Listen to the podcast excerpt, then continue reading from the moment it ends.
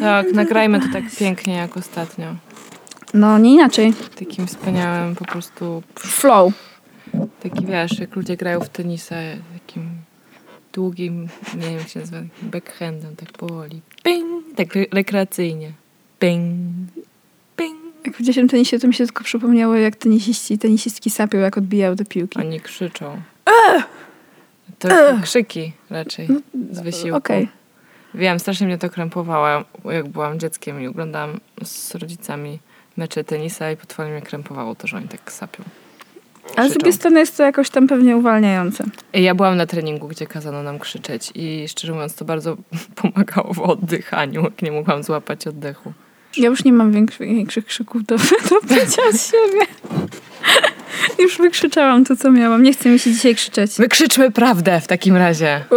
Okej. Take me, here I am, baby. Come on.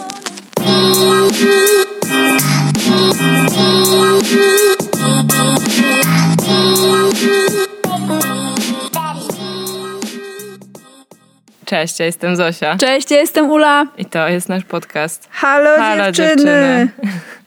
Coś strasznie głupiego mi przyszło do głowy, jak zaczęłam mówić halo dziewczyny. Co przyszło ci do głowy? Nie, właśnie już nie chcę w to brnąć. Co się, czemu nie chcesz być ze mną szczera? Chciałam powiedzieć, że tylko i wyłącznie to jest prawdą. jak to, jak się nazywamy. W tym odcinku może tak być. Mhm, mhm. Słuchajcie, jak może widzieliście, widziałyście na Insta Stories, jeśli śledzicie naszego Instagrama, dzisiejszy odcinek dotyczy szczerości i, I kłamstw, w tym białych kłamstw. W związku z tym pośrednio doty, dotyczy prawdy. Ale tylko pośrednio. No, jeśli prawda istnieje. No, słuchajcie, jakby na początku, jak się przygotowałyśmy do tego odcinka, zadałyśmy sobie pytanie, czym jest prawda, po czym uznałyśmy, że jest to tak głęboki, grząski grunt, że absolutnie dzisiaj na niego nie wchodzimy, skupiamy się na innych aspektach. Ja myślę, że możemy na niego zabrnąć, po czym się wycofać z piskiem stamtąd. Tak. Bo, no bo będziemy nagrywały to jakby częściowo na spontanie i zobaczymy, gdzie dobrniemy w tej dyskusji. Więc e, zaczynając może od e, ankiety, którą przeprowadziłyśmy na Instagramie, to wynika z niej, że straszne z was kłamczuszki. Kumamy to. Bardzo. Szanujemy to i rozumiemy. Nie pamiętam, ostatnio jak patrzyłam, to 95 osób, Procent osób procent osób głosujących. odpowiedziało, że nie zawsze warto być szczerą bądź szczerym. To jest bardzo dużo. Myślę, żebyśmy się, jakby wiesz, umówmy się, 5% to już jest prawie granica błędu statystycznego, a jestem pewna, że dużo osób klikało machinalnie z lewej strony, po prostu przewijając kolejne stories, więc ja myślę, że to może być nawet jeszcze większy. Znaczy, jedna osoba nam napisała, że niechcący kliknęła No to, tak. co chciała. Ale myślę, że jakby ja Mhm. zwykle jak klikam i to, co chcę, to już nie, już nie martwię kogoś i o tym nie piszę. Ale zwykle tak, jakby jasne. I myślę, że my też się Zosia mieścimy w tych 95%. Ja się mieszczę. Ja też się mieszczę. Może już nie zdradziłyśmy całego odcinka o naszych przekonaniach, ale kurczę, no słuchajcie, no trudna jest ta cała szczerość. No to jest jakaś w ogóle super wymyślna cnota. Dokładnie. Dzisiaj, zanim zaczęłyśmy nagrywać, przeczytałyśmy artykuł z przekroju, który wam podlinkujemy, bo jest bardzo fajny. Napisała go niejaka Agata Sikora. I jest to bardzo przewrotny artykuł właśnie o tym, czy warto być szczerym i czym ta niesamowita szczerość właściwie jest. I okazuje się, że pojęcie szczerości powstało stosunkowo niedawno, bo w XVI wieku i w ogóle nie odnosiło się do człowieka Tylko do wina. tylko do wina. To też szanuję. Znaczy, nie chodzi o pojęcie, tylko o słowo. Takie słowo jak szczerość. Tak. Chodziło o kruszec, o wino, o jakby jakość i Autentyczność mater- tak. nie wiem. czego. materii. Materii. Otóż to. Autenty- Autentyczność materii. ono to po prostu było prawdziwe. Prawdziwe wino. Tak, nie bez wody. Otóż to. Niechrzczone. E, A w stosunku do ludzi, to w ogóle dużo później jeszcze zaczęto y, używać tego słowa. W dużym uproszczeniu to jakby rozwój wartości szczerości wiąże się z rozwojem indywidualizmu. Można tak powiedzieć, tak. Jakby kultu jednostki i tego jakby, że nasze emocje i nasze uczucia są ważne. I powinniśmy móc yy, i chcieć je wygłaszać. Tak, i zawsze w każdej sytuacji móc je okazywać. Czyli jak widzicie, jest to super nowa koncepcja, Super. bardzo związana. No to jest super nowa, jakby mm, w kontekście tego, jak długo ludzkość istnieje w historii ludzkości, no to jest to raczej świeżynka. Newsik taki. E, I łącznie, łącznie z rozwojem romantyzmu ta szczerość właśnie zaczęła być taka bardzo gloryfikowana. i- Dzięki, Werter. i szczerość pomiędzy właśnie kochankami, szczerość, nie wiem, w sztuce, w twórczości. Chodzi o to, żeby wyrazić prawdziwe uczucia i wyrazić siebie. No i ja na przykład nie wiem, co to znaczy wyrazić siebie. Sensie, wyrażenie siebie musi być strasznie, strasznie trudne, bo nikt z nas nie jest czymś jednym. No nie. Więc wyrazić siebie można na tysiąc różnych sposobów i każdy będzie prawdziwy. I codziennie może być inny. Otóż to, dokładnie. Więc my nie uważamy, żeby szczerość była najważniejsza. Wydaje nam się, że mimo, że jest istotna, to są sytuacje, w których nie należy być szczerym. Wymaga tego pewnego rodzaju konwenans i jakaś umowa społeczna. I wszystkim osobom, które mówią, że szczerość jest najważniejsza i zawsze trzeba być szczerym, chciałabym przypomnieć, jak się zachowywali dzisiaj w pracy. Czy będąc w pracy jesteście absolutnie szczerzy? Ja na przykład wielokrotnie w swoim życiu zawodowym miałam ochotę powiedzieć mojemu szefowi parę niecenzuralnych słów, łącznie z tym, co o nim myślę, pod wpływem emocji oczywiście. Nie było to może moje takie przekonanie przez cały czas, ale akurat w tym momencie i powstrzymałam się, ponieważ nie powinno się mówić swojemu szefowi tego, co się o nim myśli. Zwłaszcza w mocnych emocjach. Są jeszcze ludzie, którym nie powinno się w pracy mówić tego, co się o nich myśli, i są to wasi klienci. Podejrzewam, że prawie każdy, każda z Was ma do czynienia z pewnego rodzaju usługami. Wyobraźcie sobie, nawet będąc po drugiej stronie, że idziecie do sklepu i obsługująca Was pani patrzy na Was i mówi: Ale kijowo pani dzisiaj wygląda. I to jest jej opinia. Ona naprawdę tak pomyślała. Czy uważacie, że powinna być szczera i że ma w ogóle do tego prawo? Ja uważam, że nie. A ja jeszcze pomyślałam o tym, że na przykład wchodzisz do mięsnego i pani ci mówi, kiedy to mięso, wiesz, jakby ile już tu leży. No, t- t- powinna to powiedzieć. No facto. właśnie, więc z drugiej strony wiesz. Znaczy nie, no bo tutaj naraża być może twoje zdrowie, więc już tutaj bym się wahała. Ja na przykład bardzo doceniam to, kiedy jestem w sklepie i chcę coś kupić i pani mówi na przykład pani nie bierze tych pączków, to są wczorajsze. Lepiej wziąć drożdżówkę. To wtedy czuję się zaopiekowana. To wtedy czuję się lepiej. Więc Jak widzicie, temat jest skomplikowany. Temat jest skomplikowany i spróbujemy jakoś to rozkminić, a jak nam się nie uda, to pewnie nie będziecie nam mieli tego jakoś bardzo za złe. No, ja Bo mam- im dalej w las po prostu, tym bardziej skomplikowany jest temat szczerości. Tym gęściej. Tym, no to... No, Ale, tak, Ale to taka jest prawda. Dokładnie, taka jest prawda. To są fakty tutaj nad Wisłą. Właśnie ja mam, ze szczerością mam ten problem, że mam wrażenie, że czujemy bardzo dużą presję na to, żeby być autentycznymi i szczerymi osobami. Jakby presję zewnętrzną, oczywiście z strony najbliższych, czy tam już szerzej społeczeństwa, otoczenia. A z drugiej strony, moim zdaniem, ona jest w ogóle absolutnie do pogodzenia z ludzką naturą. W sensie z tym, kim jesteśmy właśnie jako zwierzęta, jako ludzie. No po prostu, żeby przeżyć, uciekamy się do różnych rzeczy i moim zdaniem jakby kłamiemy, że jednocześnie społeczeństwo wymusza na nas taki kult szczerości, a z drugiej strony właśnie w takich sytuacjach społecznych, jak powiedziałaś, zmusza nas do tego, żeby jednak kłamać albo przynajmniej zatajać pewne elementy. Cały czas musimy kłamać, jakby na to nie spojrzeć. Jak y, przygotowałam się do tego odcinka, przeczytałam jakieś badania, że ktoś kiedyś zmierzył, że statystycznie w ciągu 10-minutowej rozmowy z obcą ci osobą kłamiesz średnio trzy razy. To bardzo dużo. To bardzo dużo, a jak na przykład masz pracę, która jakby polega na poznawaniu nowych osób, Mhm. Albo jest dużo, dużym elementem twojej pracy, to to w ogóle już jest jakby...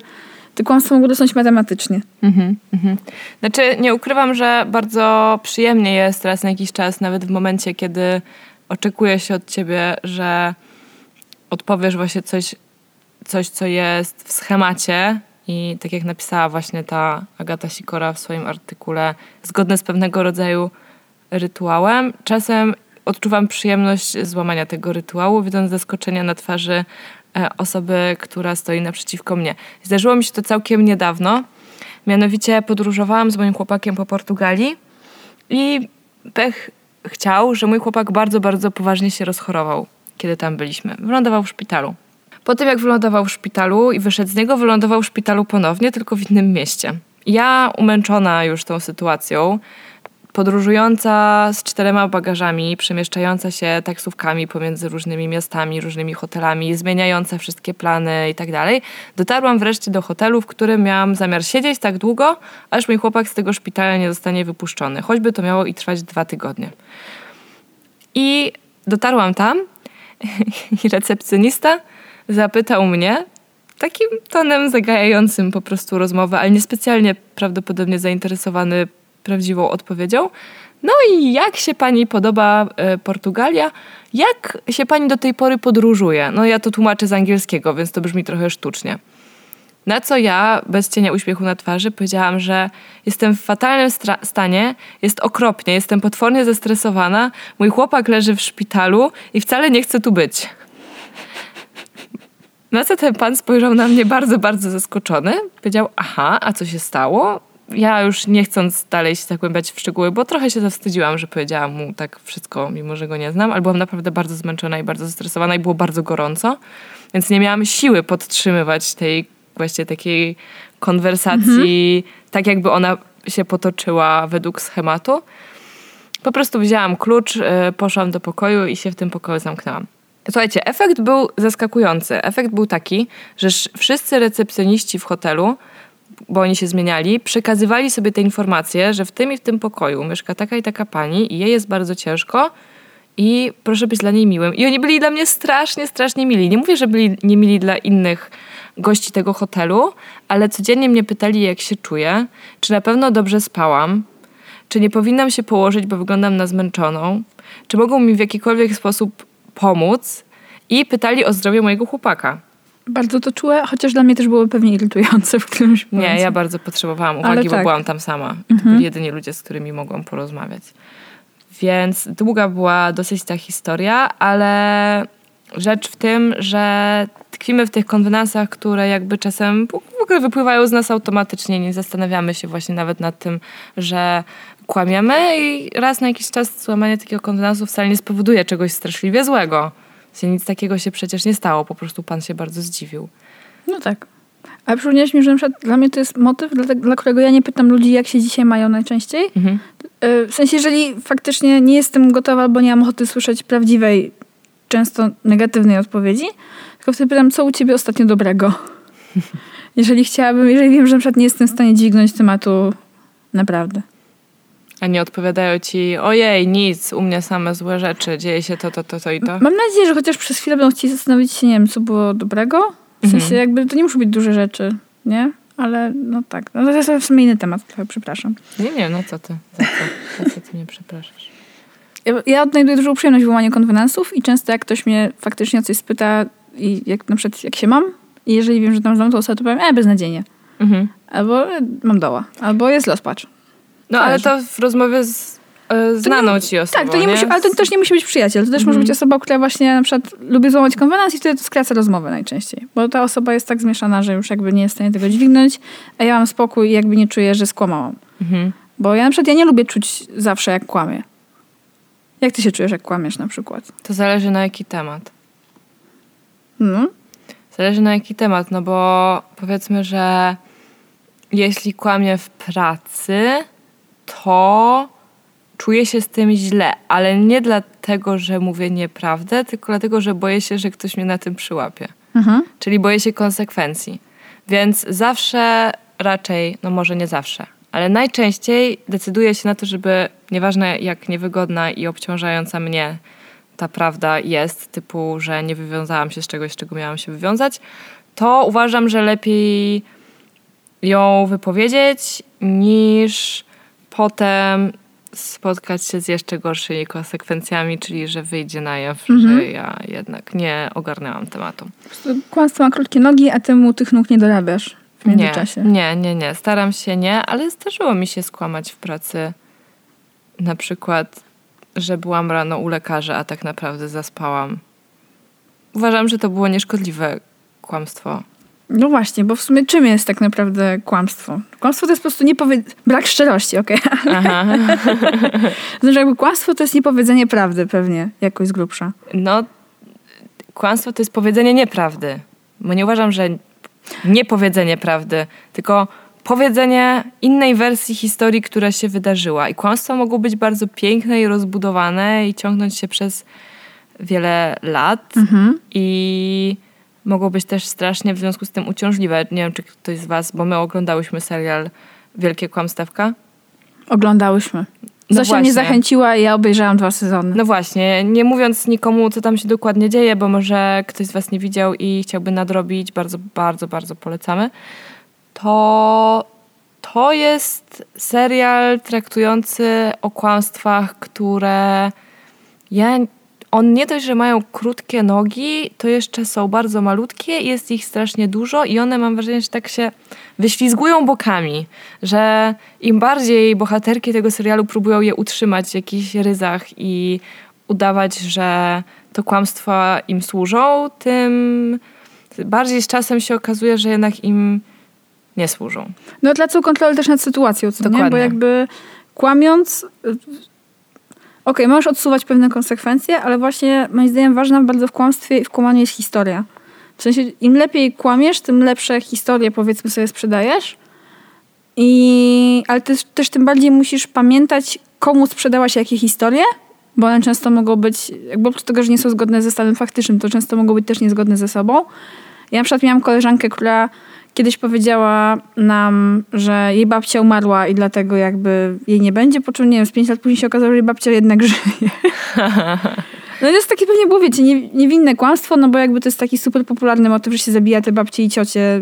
Nie, zabija się, oczywiście w cudzysłowiu, yy, ponieważ jakby właśnie potrzebujemy wymówki. Tak, nie chcemy uczestniczyć w jakichś e, spotkaniach towarzyskich, Tak, załóżmy. tak, dokładnie, a, a, a niestety właśnie no, po jakimś czasie jakby ta babcia y, okazuje się, że żyje, jest trochę dziwnie. No więc kłamstwo to jest dla mnie próba zafałszowania faktycznego, faktycznego biegu zdarzeń. Czyli zaspałam, ale mówię, że byłam u lekarza. I już w rzeczywistości mojego szefa czy szefowej, w jego bądź jej głowie istnieje ten obraz, Zosia była u lekarza. I dla niego, dla niej rzeczywistość już zawsze będzie tak wyglądała, jeśli się o tym dowie, nie dowie. No dobra, to, to jest jedna jakby wersja, powiedzmy sobie, Mhm. kłamstwa. No ale masz też te kłamstwa, że nie wiem, jesteś z, z jakąś tam osobą na zakupach, ta osoba jest w przebieralni, coś tam mierzy, pyta cię o zdanie, albo wręcz inaczej, jest przekonana o tym, że wygląda w tym czymś super, Mhm. ty uważasz, że jednak nie. I jakby widzisz na przykład, powiedzmy sobie, jakby nie wiem, co to może być akurat w tej sytuacji, że nie wiem, ta koszulka się nie układa na przykład, albo no, wygląda jakby generalnie nie, nie, nie, nie, nieoptymalnie, że zwykle ta osoba na przykład wygląda według ciebie lepiej. To, to co, co mamy wtedy? Co mamy wtedy? No to zależy, co powiemy. No bo jeżeli powiemy, tak, wyglądasz super, to mamy białe kłamstwo. Białe kłamstwo, które nie krzywdzi tej osoby i może też być wykorzystane przez nas po to, żeby nie ujawniać tego, co myślimy, bo w sumie nie mamy ochoty, nie mamy na to czasu, nie jest nam to po drodze i tak dalej.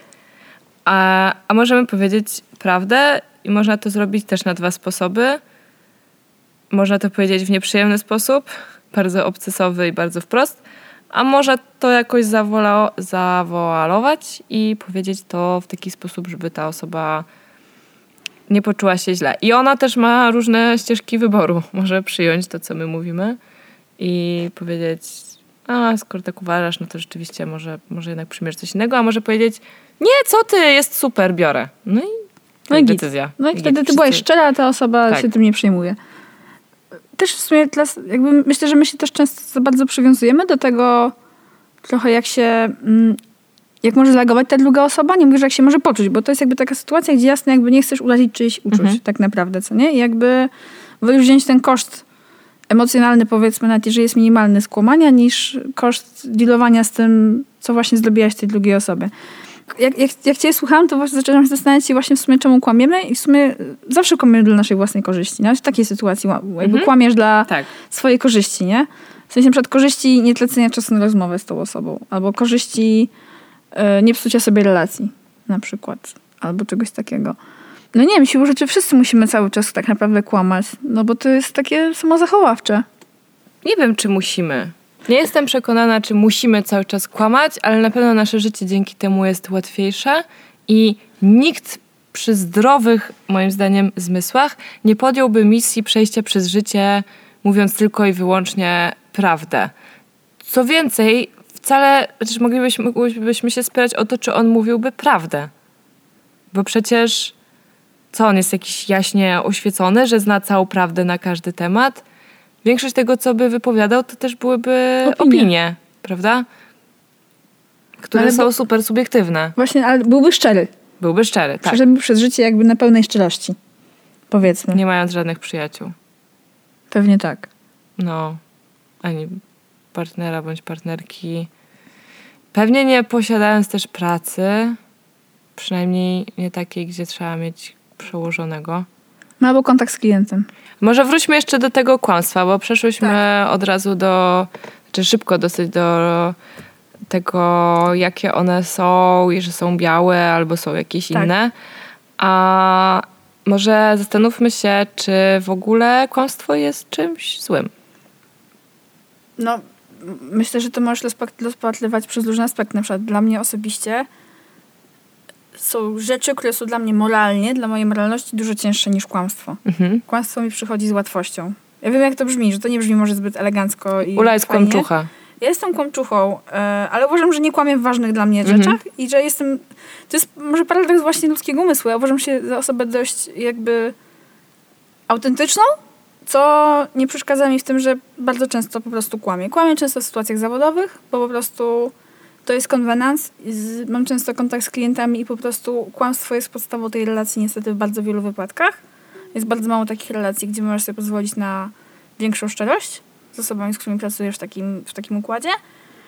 Ale też nawet w życiu codziennym po prostu. Jakby ja idę przez życie dość szybko i faktycznie kłamstwa albo białe kłamstwa to nie spowalniają mnie po prostu. Mhm. Skracają ci drogę do pewnych rzeczy. Tak, właśnie jakby nie zabierają mi czasu, który mogę poświęcić na coś innego. E, wiem, jak to brzmi i totalnie sobie zdaję z tego sprawę, ale też wiem, że właśnie jednocześnie, ponieważ to jakoś te kłamstwa, które ja wykonuję czy wymawiam, nie wpływają na jakieś takie moje, nie wiem, prawo moralne we mnie, na jakąś moją integralność, Mhm. na moją wewnętrzną prawość i po prostu wiem, że to się jakoś w tym wypadku z tym godzi. Ale rozumiem, że to jest też kwestia tego, jakby, no, jaki, jaki mam poczucie bardzo wielu spraw, co nie? Mm, bo rozumiem, że jakby też, jakby może być osoba, która na przykład była wychowana w kompletnie inny sposób niż ja i dla niej to, że musi komuś skłamać jest najgorszym jakby możliwym rzeczą na świecie. I się trzęsie na samą myśl, co nie? A ja akurat jakby kłamiąc przez całe życie jakby nie mam tego problemu. Ja uważałam e, przez długi czas, znaczy nadal uważam, że generalnie, no właśnie, no bo dla mnie kłamstwo, białe kłamstwo to jest trochę co innego, tak jak mówiłaś, kłamiemy cały czas i możemy nawet tego nie zauważać, ale miałam problem z kłamstwem w pracy, kiedy zaczęłam pracę. I na, nasz ówczesny przełożony musiał mi tłumaczyć, dlaczego musimy tak zrobić i dlaczego to kłamstwo jest okej. Ja nie zgadzałam się z tym wtedy. Rozumiem ten mechanizm dzisiaj i dlaczego taki zabieg jest konieczny, w skrócie dla zysku, ale nadal mam z tym pewien problem. Rozumiem, ja też. I wydaje mi się, że, znaczy dla mnie, jakby to powiedzieć, są kłamstwa, które na przykład to, że kłamstwo funkcjonuje w przestrzeni publicznej cały czas, a konkretnie w polityce. Mnie to razi. Ja oczywiście nie wiem, jaka jest prawda i co się dzieje za tymi różnymi drzwiami tych gabinetów i kto tam czyją ściska rękę i jakie papiery podpisuje. To są jakieś grube rzeczy w ogóle niedostępne dla przeciętnego śmiertelnika. Niestety, bo tam się rozgrywają bardzo często decyzje, które zaważą na naszych losach. Natomiast przeszkadza mi i szczególnie w dzisiejszych czasach, za rządów ostatnich, że kłamstwo przechodzi jawnie, wyciągnięte na światło dzienne, bez żadnych właściwie konsekwencji. poważne kłamstwa, tak? Czy Tak. kłamstwa grubego kalibru, powiedzmy, I Tak. bez wstydu żadnego i bez żadnego poczucia nawet delikatnego fopa. I to jest coś, co strasznie mnie boli i doprowadza mnie tak naprawdę do, no do szału. Strasznie mnie to złości i widzę tych ludzi, którzy bezczelnie się uśmiechają i nagle zaprzeczają, że oni nic takiego nie powiedzieli, że tego człowieka na przykład nigdy nie widzieli na oczy, że ten podpis na dokumencie to nie jest ich podpis i, i co im zrobisz właściwie? no tylko sąd, ale wtedy nawet mogą przysięgnąć na Biblię, czy na cokolwiek tam się przysięga i też Tak. kłamać. Jakby to nie... Tak, no. Więc to są kłamstwa, które uważam za złe. I to są kłamstwa, które może są dlatego złe, że wszyscy o nich wiedzą, że są kłamstwami. Gdybyśmy nie wiedzieli, no to co by nam to szkodziło tak naprawdę? No tak, pewnie gdyby jakby nie media, no to byśmy sobie żyli w błogiej nieświadomości i by to jakoś przeszło dalej. A z drugiej strony teraz się zastanawiam, że tacy politycy, znaczy powiedzmy sobie tam dobrzy politycy w dużym cudzysłowie, w sensie tacy jakby wytrwali, ale też, yy, że tacy politycy, którzy spędzili w tym bagienku bardzo, bardzo wiele lat, myślę, że są po prostu super storytellerami Mhm. i takimi, wiesz, w sensie, że oni jakby mają fakty, ale są w stanie takie obrócić jak chcą po prostu i zrobić z tego to, czego w tym momencie potrzebują. opowiedzieć. Tak, dokładnie. W sensie są storytellerami i po prostu my jako ludzie kochamy słuchać historii. W ogóle kochamy historię, to jest w ludzkim DNA po prostu. Mhm. Więc słuchamy tych typów i jakby idziemy dalej, no. I, i, to jest jednak jedna, jedna strona tego medalu, druga jest taka, że faktycznie w dzisiejszych społeczeństwach to jest tak skomplikowany temat i jest tak wiele zależności, że po prostu chcesz zemdleć ze zmęczenia, zanim jeszcze dobrze się w to gryziesz. To prawda. I to też działa na korzyść tych osób i na korzyść takich kłamstw. Są kłamstwa, które lubię i jest to na przykład literatura. No bo te historie opowiedziane, jakby, no właśnie, nie uważamy ich za kłamstwa, no ale to są jakieś zmyślone historie, które dzieją się w jakimś czasie, w jakimś miejscu. I jest taki jeden pisarz, którego moja przyjaciółka nazwała potwornym kłamcą i trzeba przyznać, że rzeczywiście on bezczelnie kłamie. Kłamał też w życiu swoim, że tak powiem, e, prawdziwym, normalnym. Nie tylko jako podmiot, yy, czy tam jakoś, nie wiem, bo pisał często w pierwszej osobie. E, Był to Bohumil Hrabal, czeski pisarz, który pisał o...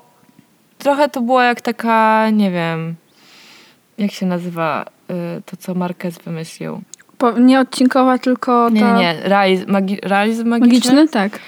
On stworzył taki czeski rodzaj realizmu magicznego, czyli, że coś, nie wiem, akcja się dzieje na tle wydarzeń historycznych, które są, jakby, które były faktem, typu pierwsza wojna światowa. Jednocześnie dzieje się strasznie dużo rzeczy, które są absolutnie zmyślone w taki sposób, powiedzmy, nie wiem. Tam jest, w jednej książce jest taka scena, w której dziewczyna zostaje oblana lemoniadą i ma całe włosy mokre od tej lemoniady i ta lemoniada była bardzo słodka, więc włosy ma całkiem lepkie i słodkie. I ona wychodzi szybkim krokiem z kawiarni, a wokół jej głowy krążą pszczoły. To jest bardzo poetyckie i bardzo ładne, no ale to jest kurde taka ściema straszliwa. I wszystko właściwie na każdym kroku tam to jest takie, takie najzwyczajniejsze kłamstwo, które po prostu sprawia, że ta historia jest barwniejsza, a nie jest tylko suchym zestawieniem jakimś, jakimś tam faktów. No, kochamy historię. Dokładnie. Ale właśnie, zobacz, jeżeli chodzi o takie powszechne kłamstwo, no to mamy całe kłamstwo o świętym Mikołaju. Już od, od małego uczysz to dziecko, że istnieje ten święty Mikołaj i jakby Jak się... nie powiesz dziecku przecież z własnej woli, chociaż ja bym mogła, pewnie pewnie powiedziała, ale tego nie jestem matką, że święty Mikołaj nie istnieje i twoje prezenty to jest tak naprawdę jakby efekt socjoekonomiczny tego, na co stać twoi stadiach w tym momencie i co ci włożył pod choinkę, a nie, że to jest jakiś święty Mikołaj i żebyś dobrze się zachowywał i nie kłamał i nie, nie, nie był innych cokolwiek, dostaniesz prezenty. No przecież to jest bójda na resorach. A Tak. do pewnego czasu, jakby do pewnego wieku, powiedzmy, każdego trochę innym, no to dzieci to wierzą. A dorośli jakby utrzymują zmowę milczenia na temat świętego Mikołaja. Tak, i nie do końca rozumiem dlaczego i skąd to się wzięło. Znaczy, historię znam świętego Mikołaja mniej więcej, ale dlaczego dzieciom się to usilnie nadal wmawia, skoro wiadomo, że to już nie żyjemy w takich czasach, kiedy ludzie wierzą w magię. Dlaczego? Ty nie wierzysz w magię, Zosiu. Myślę, że jest mnóstwo ludzi, którzy w dzisiejszych czasach wierzą w magię. Ale nie w świętego Mikołaja. Pewnie nie. Ale I że przecież prędzej czy później każde dziecko dowie się, że ten święty Mikołaj nie istnieje. jak masz potem ufać swoim starym? W sensie nie, jakoś myślę, musisz, że to jest ale... jakieś przegięte. W sensie, że to jest, że to jest jakieś, że takie, to jest trochę tak jak uważam, że dzieci nie są tak głupie, jak dorośli myślą, mimo wszystko i bardzo dobrze sobie radzą z pewnymi rzeczami i z tym kłamstwem o świętym Mikołaju też sobie świetnie poradzą bardzo szybko. Nie znam nikogo, kto by płakał dowiedziawszy się, że święty Mikołaj nie istnieje. No to powinnaś być kiedyś u mnie na święta w domu, kiedy ja niestety powiedziałam to przy mojej za małej wtedy na to siostrze. O. Ewidentnie nie była na to gotowa. E, Ja akurat byłam z Mikołaja sceptykiem, ale ona jak się okazało jednak nie. E, Ale wiesz co, pomyślałam sobie teraz jeszcze o tym, że w sumie czytałam jakoś, że y, stwierdzono, że dziecko już w wieku 7 lat jest w stanie kłamać, Mhm. jeżeli powiesz temu dziecku, że powiedzenie jakiejś osobie prawdy zrobi mu przykrość. W sensie, że dzieci są w stanie kłamać ze względu na emocje innych. Czyli właśnie już są zdolne do tego, powiedzmy sobie, białego kłamstwa. Ja ostatnio rozmawiałam z trzyletnią córką mojej przyjaciółki Mhm. i czytałam z nią książeczkę, czekając aż ta przyjaciółka wróci z kasy, gdzie płaciła za kawę.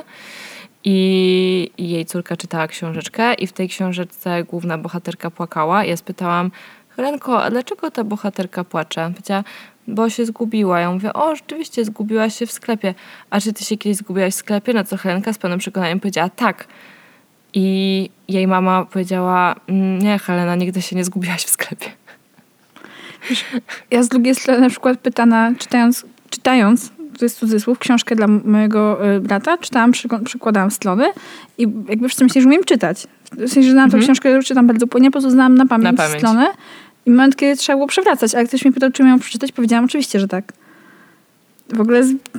elo. Nara.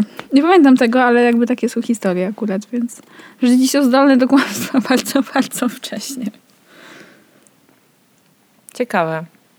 Ciekawe. Poczytałby się jakiś psycholog, który by to z nami rozkminił, bo zagłębianie się teraz w umysł dziecka jest dla mnie Ja, ja nie pamiętam pierwszego razu, kiedy skłamałam w życiu. niewykonalne zupełnie. Rodzice to strasznie przeżywają, kiedy przyłapią dziecko na kłamstwie. Sami kłamią codziennie, nie? że och, nie mówisz mi prawdy. A przecież rodzice swojemu dziecku nie mówią prawdy i bardzo jakby rozsądnych i konkretnych powodów. Po prostu są pewne rzeczy, z którymi dziecko sobie nie poradzi. Ale myślę, że ten smutek spowodowany kłamstwem dziecka raczej wynika z tego, że rodzic wtedy się orientuje, że dziecko nie ma do niego zaufania. Albo, że się go boi. I to musi być bardzo przykre, że boi się powiedzieć, że nie wiem, zbiło wazon, bo domyśla się, że reakcja mamy bądź taty to będzie złość. No to wtedy ten nieszczęsny rodzic musi się niestety przyjrzeć swoim reakcjom na pewne rzeczy. Jeżeli coś takiego odkryje, a nie złościć się, że dziecko skłamało i zastanawiać się, dlaczego ono to zrobiło, jak mogło mi to zrobić. Ja wielokrotnie kłamałam, dlatego że nie chciałam złościć mojej mamy.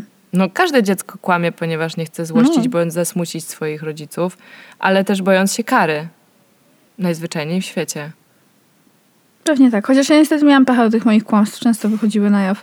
Nawet właśnie najgorsze było to, że to nie była moja wina. Twoja wina, że skłam... Nie twoja wina, że skłamałaś, czy nie twoja wina, że wyszły Nie na moja jaw? wina, że wyszły na jaw. Mm, Bo ja twardo się upierałam przy moim, a potem się okazało, że na przykład jak uciekałam ze szkoły, to ktoś mnie widział i powiedział o tym mojej mamie. ja nie miałam tej wiedzy, ale szłam zaparte.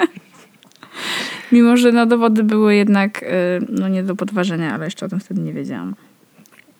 Tak. No i właśnie, i to jest w ogóle ciekawa, ciekawy temat. Jakby w ogóle konsekwencje. Czy my tak naprawdę sobie sami nie klasyfikujemy w swoich własnych głowach tej granicy kłamstwa między kłamstwem takim, co będzie nam jednak wstyd, jak wyjdzie na jaw, a takim, co generalnie, okej, no trochę głupio, ale spłynie to po nas. Myślę, że każdy ma swoją, tak jak powiedziałaś, no, że każdy ma swoją wrażliwość na to i każdy sam intuicyjnie czuje, jak daleko może swoim kłamstwem zabrnąć i które to jest to złe. Po prostu chyba każdy ma własny wewnętrzny barometr, który mówi, że to jest to kłamstwo, o którym nikt nie powinien się dowiedzieć, a to jest to jakieś tam niespecjalne. Istnieje coś takiego jak niemówienie prawdy, bo ustaliłyśmy, że kłamstwo to jest Tak. powiedzenie nieprawdy, a jest jeszcze niemówienie prawdy. No i czy to jest kłamstwo?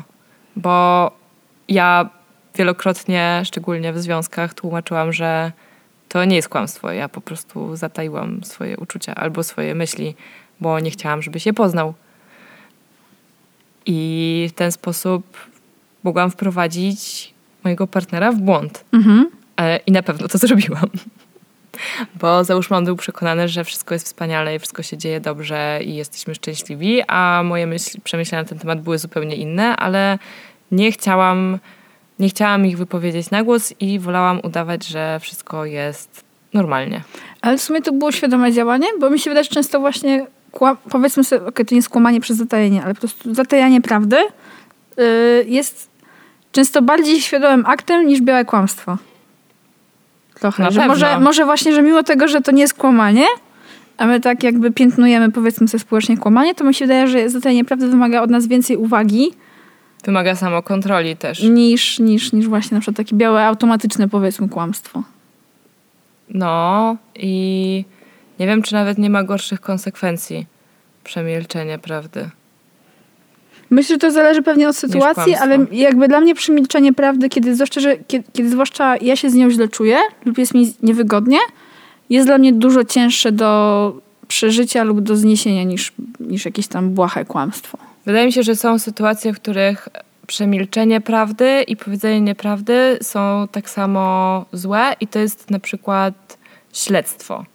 Czyli jesteś świadkiem w jakimś y, śledztwie, załóżmy, nie wiem, ktoś został okradziony i ty wiesz, kto to zrobił, ale nie powiesz tego, udajesz, że na przykład, nie wiem, no kłamiesz mówiąc, że nie wiesz, bo chcesz kogoś ochronić, a, a możesz też nie być w ogóle jakby świadkiem, nie zostać wezwany na świadka, ale wiedzieć, kto to zrobił i tak nie powiedzieć i uważam, że obydwie te rzeczy są równie złe.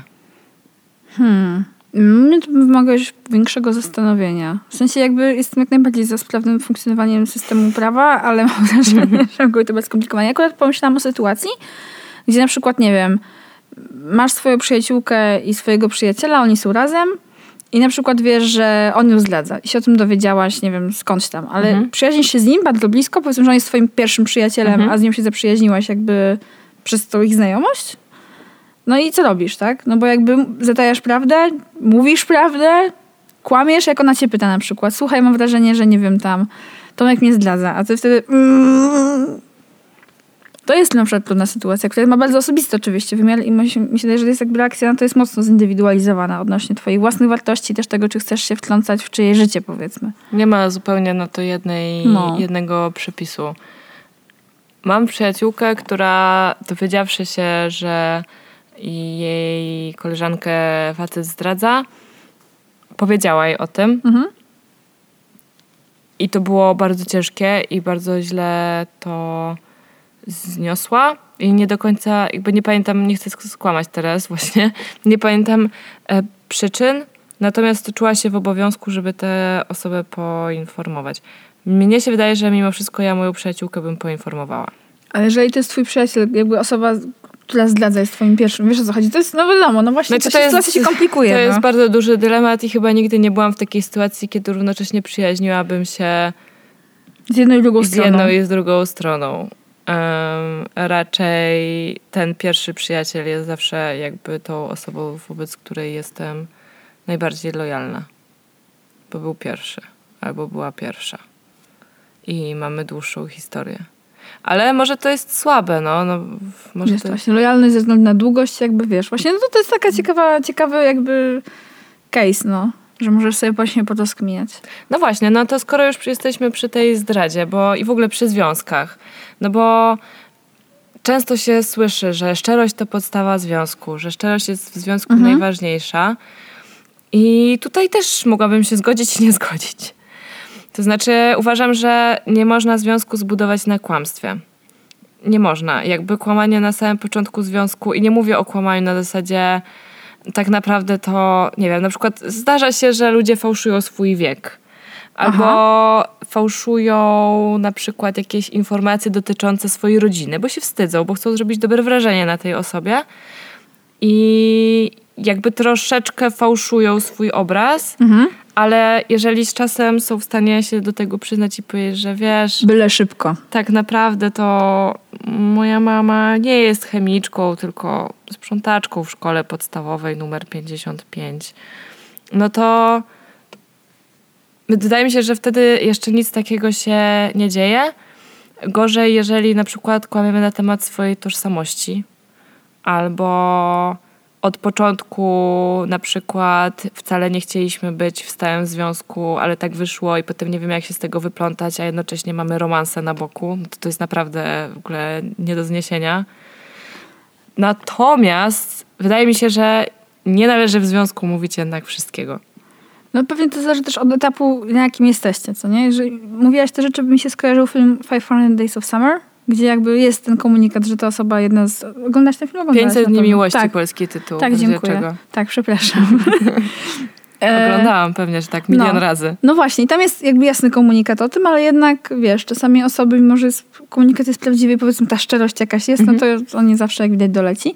A drugi, jak mówiłaś te rzeczy, to to jest też, przypomniał mi się podcast, którego słuchałam dzisiaj, nomen omen, który trochę wjechał mi na banie, o którym też mówiłam Zosi przed nagraniem, czyli e, 36 Questions. Po polsku byłoby 36 pytań, ale podcast jest po angielsku. To nawet nie jest podcast, tylko bardziej musical w trzech odcinkach powiedzmy sobie podcastu Musica w trzech odcinkach, który właśnie opowiada historię pary, której związek powstał na kłamstwie, mianowicie yy, jakby główna bohaterka yy, tegoż podcastu jakby skłamała odnośnie swojej tożsamości na samym początku związku i jakby nigdy się z tego nie wyplątała. Sprawa oczywiście wybuchła, no i związek się rozpadł i właśnie jakby widzimy tą parę w tym momencie rozpadu. Co jest moim zdaniem super ciekawe, no ale z drugiej strony właśnie dlatego pewne kłamstwa łatwiej, łatwiej i lepiej wyjaśnić szybciej niż nie, jeżeli No już faktycznie tak. chcesz się z nich, z nich wyplątać. Generalnie na początku związku, w ogóle, czy nie wiem, randkowania, spotykania się sporo kłamiemy i to są właśnie te białe kłamstwa, o których mówiłyśmy od początku i też to, że bardzo nam zależy na opinii tej osoby, która nam się podoba. Bardzo chcemy właśnie przedstawić jak najbardziej, siebie jakby w jak najbardziej korzystnym świetle, więc jest masa rzeczy, których, o sobie, których pomijamy i też nakładamy naprawdę grubaśną maskę wtedy na twarz. No, i- dużo jest filtrów. Naprawdę, jakby nikt, nie wiem, są takie historie, ludzie mówią, że o, przy niej bądź przy nim od razu mogłam, mogłam być sobą. Zawsze się przy nim czułam sobą.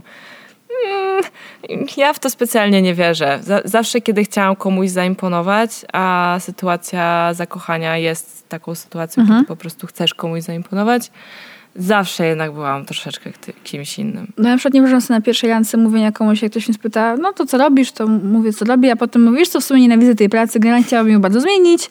E, ostatnio miałam doła z powodu tego i tego, jakby... jakby Mam wrażenie, że to w ogóle mogłoby odstraszyć y, tę osobę, z którą jesteś na randce na zawsze. E, pewnie tak. I właśnie Albo zaintrygować. No, pewnie- nigdy nie wiesz, na kogo trafisz. No i właśnie pewnie jakby to nie byłoby moją intencją, Mhm. zniechęcenie, bo jeżeli już wkładam czas w to, żeby się z kimś spotkać i kogoś poznać, to faktycznie jakby nie chcę kogoś od razu odstraszyć. Nie dlatego, że może jest jakoś super straszne, tylko to jest po prostu naturalny element międzyludzkiej komunikacji w takiej sytuacji. Takie Mhm. mam wrażenie. Nie tylko, że jakby mo- możesz nie chcieć się jak najlepiej sprzedać, ale jakby okej, ale jednak czujesz potrzebę tego, żeby było przyjemnie. O No. ile to możliwe, nie? Jeszcze poruszyłaś e, wątek zdrady, kiedy rozmawiałyśmy o tym właśnie, no, czy powinno Tak. się powiedzieć, czy nie. I zdrady w związkach się zdarzają. i Zdarzają się najlepszym i nie będziemy tu tego rozkminiać za mocno, bo jest to bardzo szeroki temat.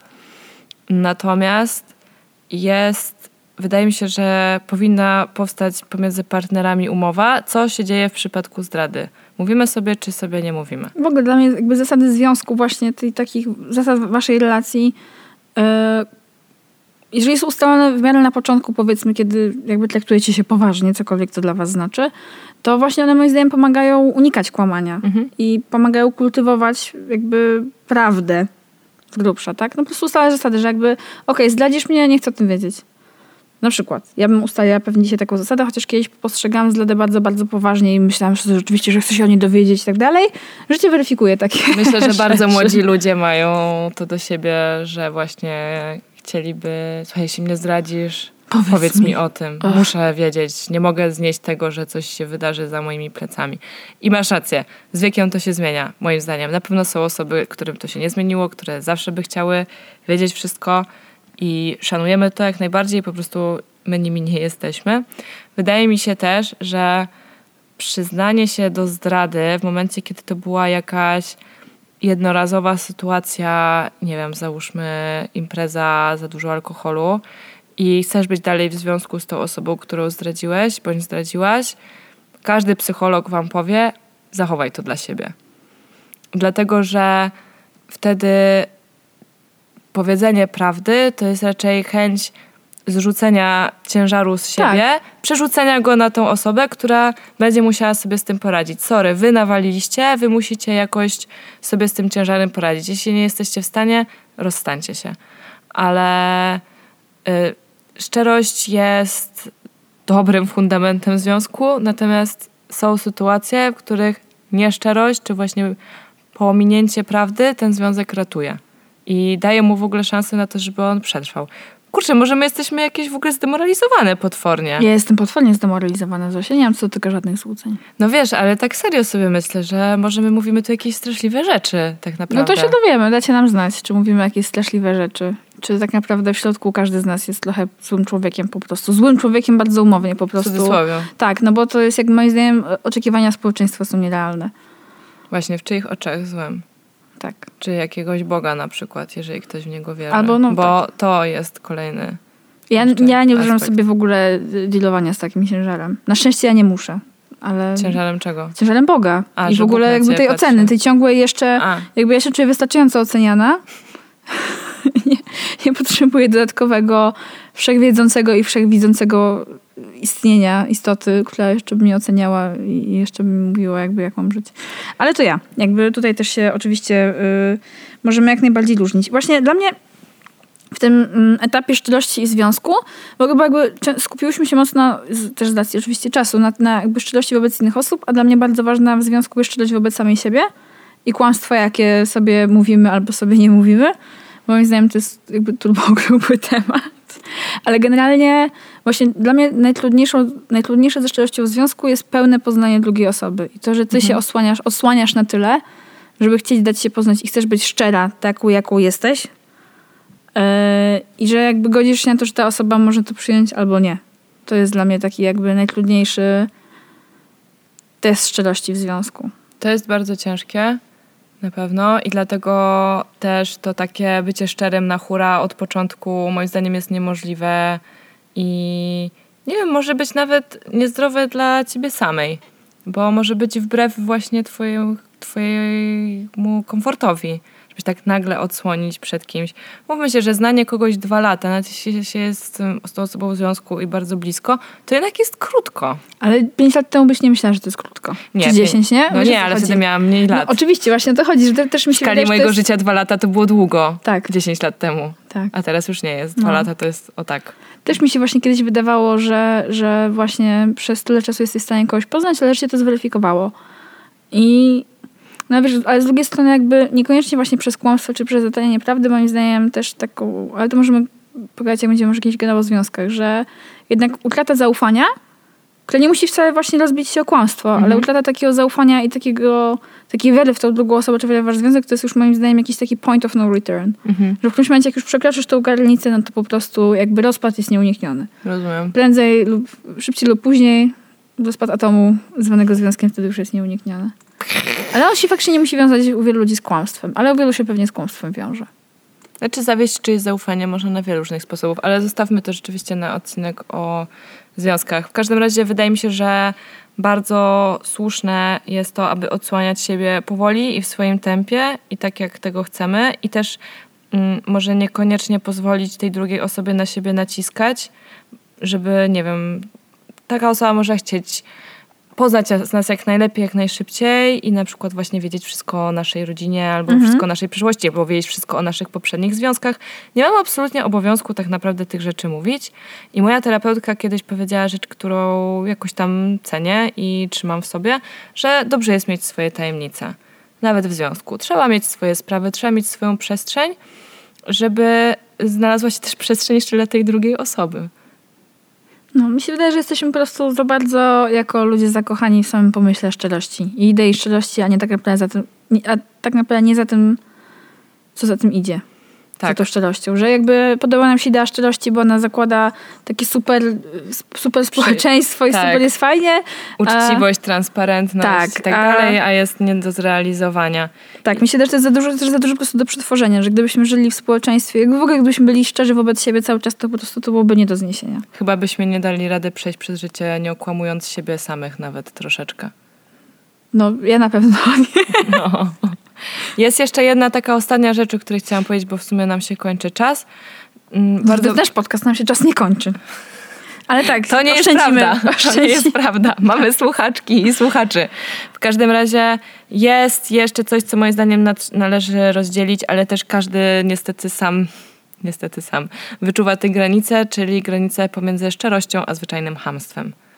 Jakby jest y, dla mnie różnica między powiedzeniem komuś, słuchaj, nie najlepiej wyglądasz w tej bluzce, jest jakby nietwarzowo, to kolor jest nie dla ciebie, a powiedzeniem w coś ty się ubrała, jakie ty masz szmaty na sobie, a w ogóle to grubo wyglądasz. Jakby dla mnie to jest chamstwo, na przykład. Które ktoś może obronić, mówiąc, no ja tylko byłem szczery, szczera. Jeżeli ktoś tak się przed wami zasłania, to po prostu trust no bitch i w ogóle nara. Pogadacie z tą osobą. Nie, no bo to po prostu jakby zakładam, że nie wypowiadasz swoich opinii z celem skrzywdzenia drugiej osoby. A jeżeli to robisz, to zastanów się nad swoim życiem. Zastanów się nad sobą. Zastanów się nad sobą. Ja myślę, że w ogóle nie poruszyliśmy całej masy tematów. Na przykład tego w ogóle, jak słychać, że ktoś do nas kłamie. W ogóle to jest dla mnie super fascynujący temat. Jak można rozkminić, że ktoś do nas kłamie, albo jak uczynić nasze Mhm. kłamstwo lepszymi. Ale zdecydowanie nie będziemy robić poradników. Nie, proszę, nie róbmy nie robimy, no. jak dobrze kłamać. O kurczę. Myślę, że jeżeli ktoś nie umie dobrze kłamać, to często też wynika z tego, że po prostu bardzo nie lubi i nie chce tego robić. I to jest okej. Jak ktoś nie umie kłamać, to znaczy, że po prostu lepiej mu się żyje we własnej prawdzie. Y, Ogólnie wszyscy żyjemy w naszej własnej prawdzie. No. Tak jest. To jest taki trochę wnioseczek powiedzmy, z którym was zostawimy, że prawda, jak zaczęłyśmy w sumie, naprawdę jest trudna, się nie, nie będziemy na tym rozwodzić, ale każdy ma trochę własną niestety. No, jestem strasznie ciekawa, czy ktoś się z nami będzie wspierał, bo totalnie macie do tego prawo i bardzo was do tego zachęcamy. Jeżeli chcielibyście się zgodzić bądź nie zgodzić z tym, co tutaj gadamy sobie, Temacik wzięłyśmy trochę kontrowersyjny. to zachęcamy do tego, żeby do nas napisać na adres halodziewczyny.gmail.com Tak, albo znaleźć nas na Facebooku, tudzież Instagramie i tam nam napisać wiadomość prywatną. Będzie nam też bardzo miło, jeżeli ten odcinek lub jakikolwiek inny wam się podobał, że zostawicie nam jakiś miły komentarz i pięć gwiazdeczek na przykład w jakimś tam iTunesie, albo zasu- zasubskrybujecie nas na Spotify'u. Tak. Albo udostępnicie to, że słuchacie naszego podcastu na waszych Insta Stories, bądź po prostu na Instagramie. Oznaczycie nas i polecicie znajomym. Tak, albo też w realu też nas polecajcie, to też działa, tak słyszałam. Jak nas spotkacie na mieście, to możecie z nami pogadać. Przybić piąteczkę. Tak, super, fajnie. Juhu! Dobra, to co? Do zobaczenia, do usłyszenia. No, trzymajcie się, pa! Cześć!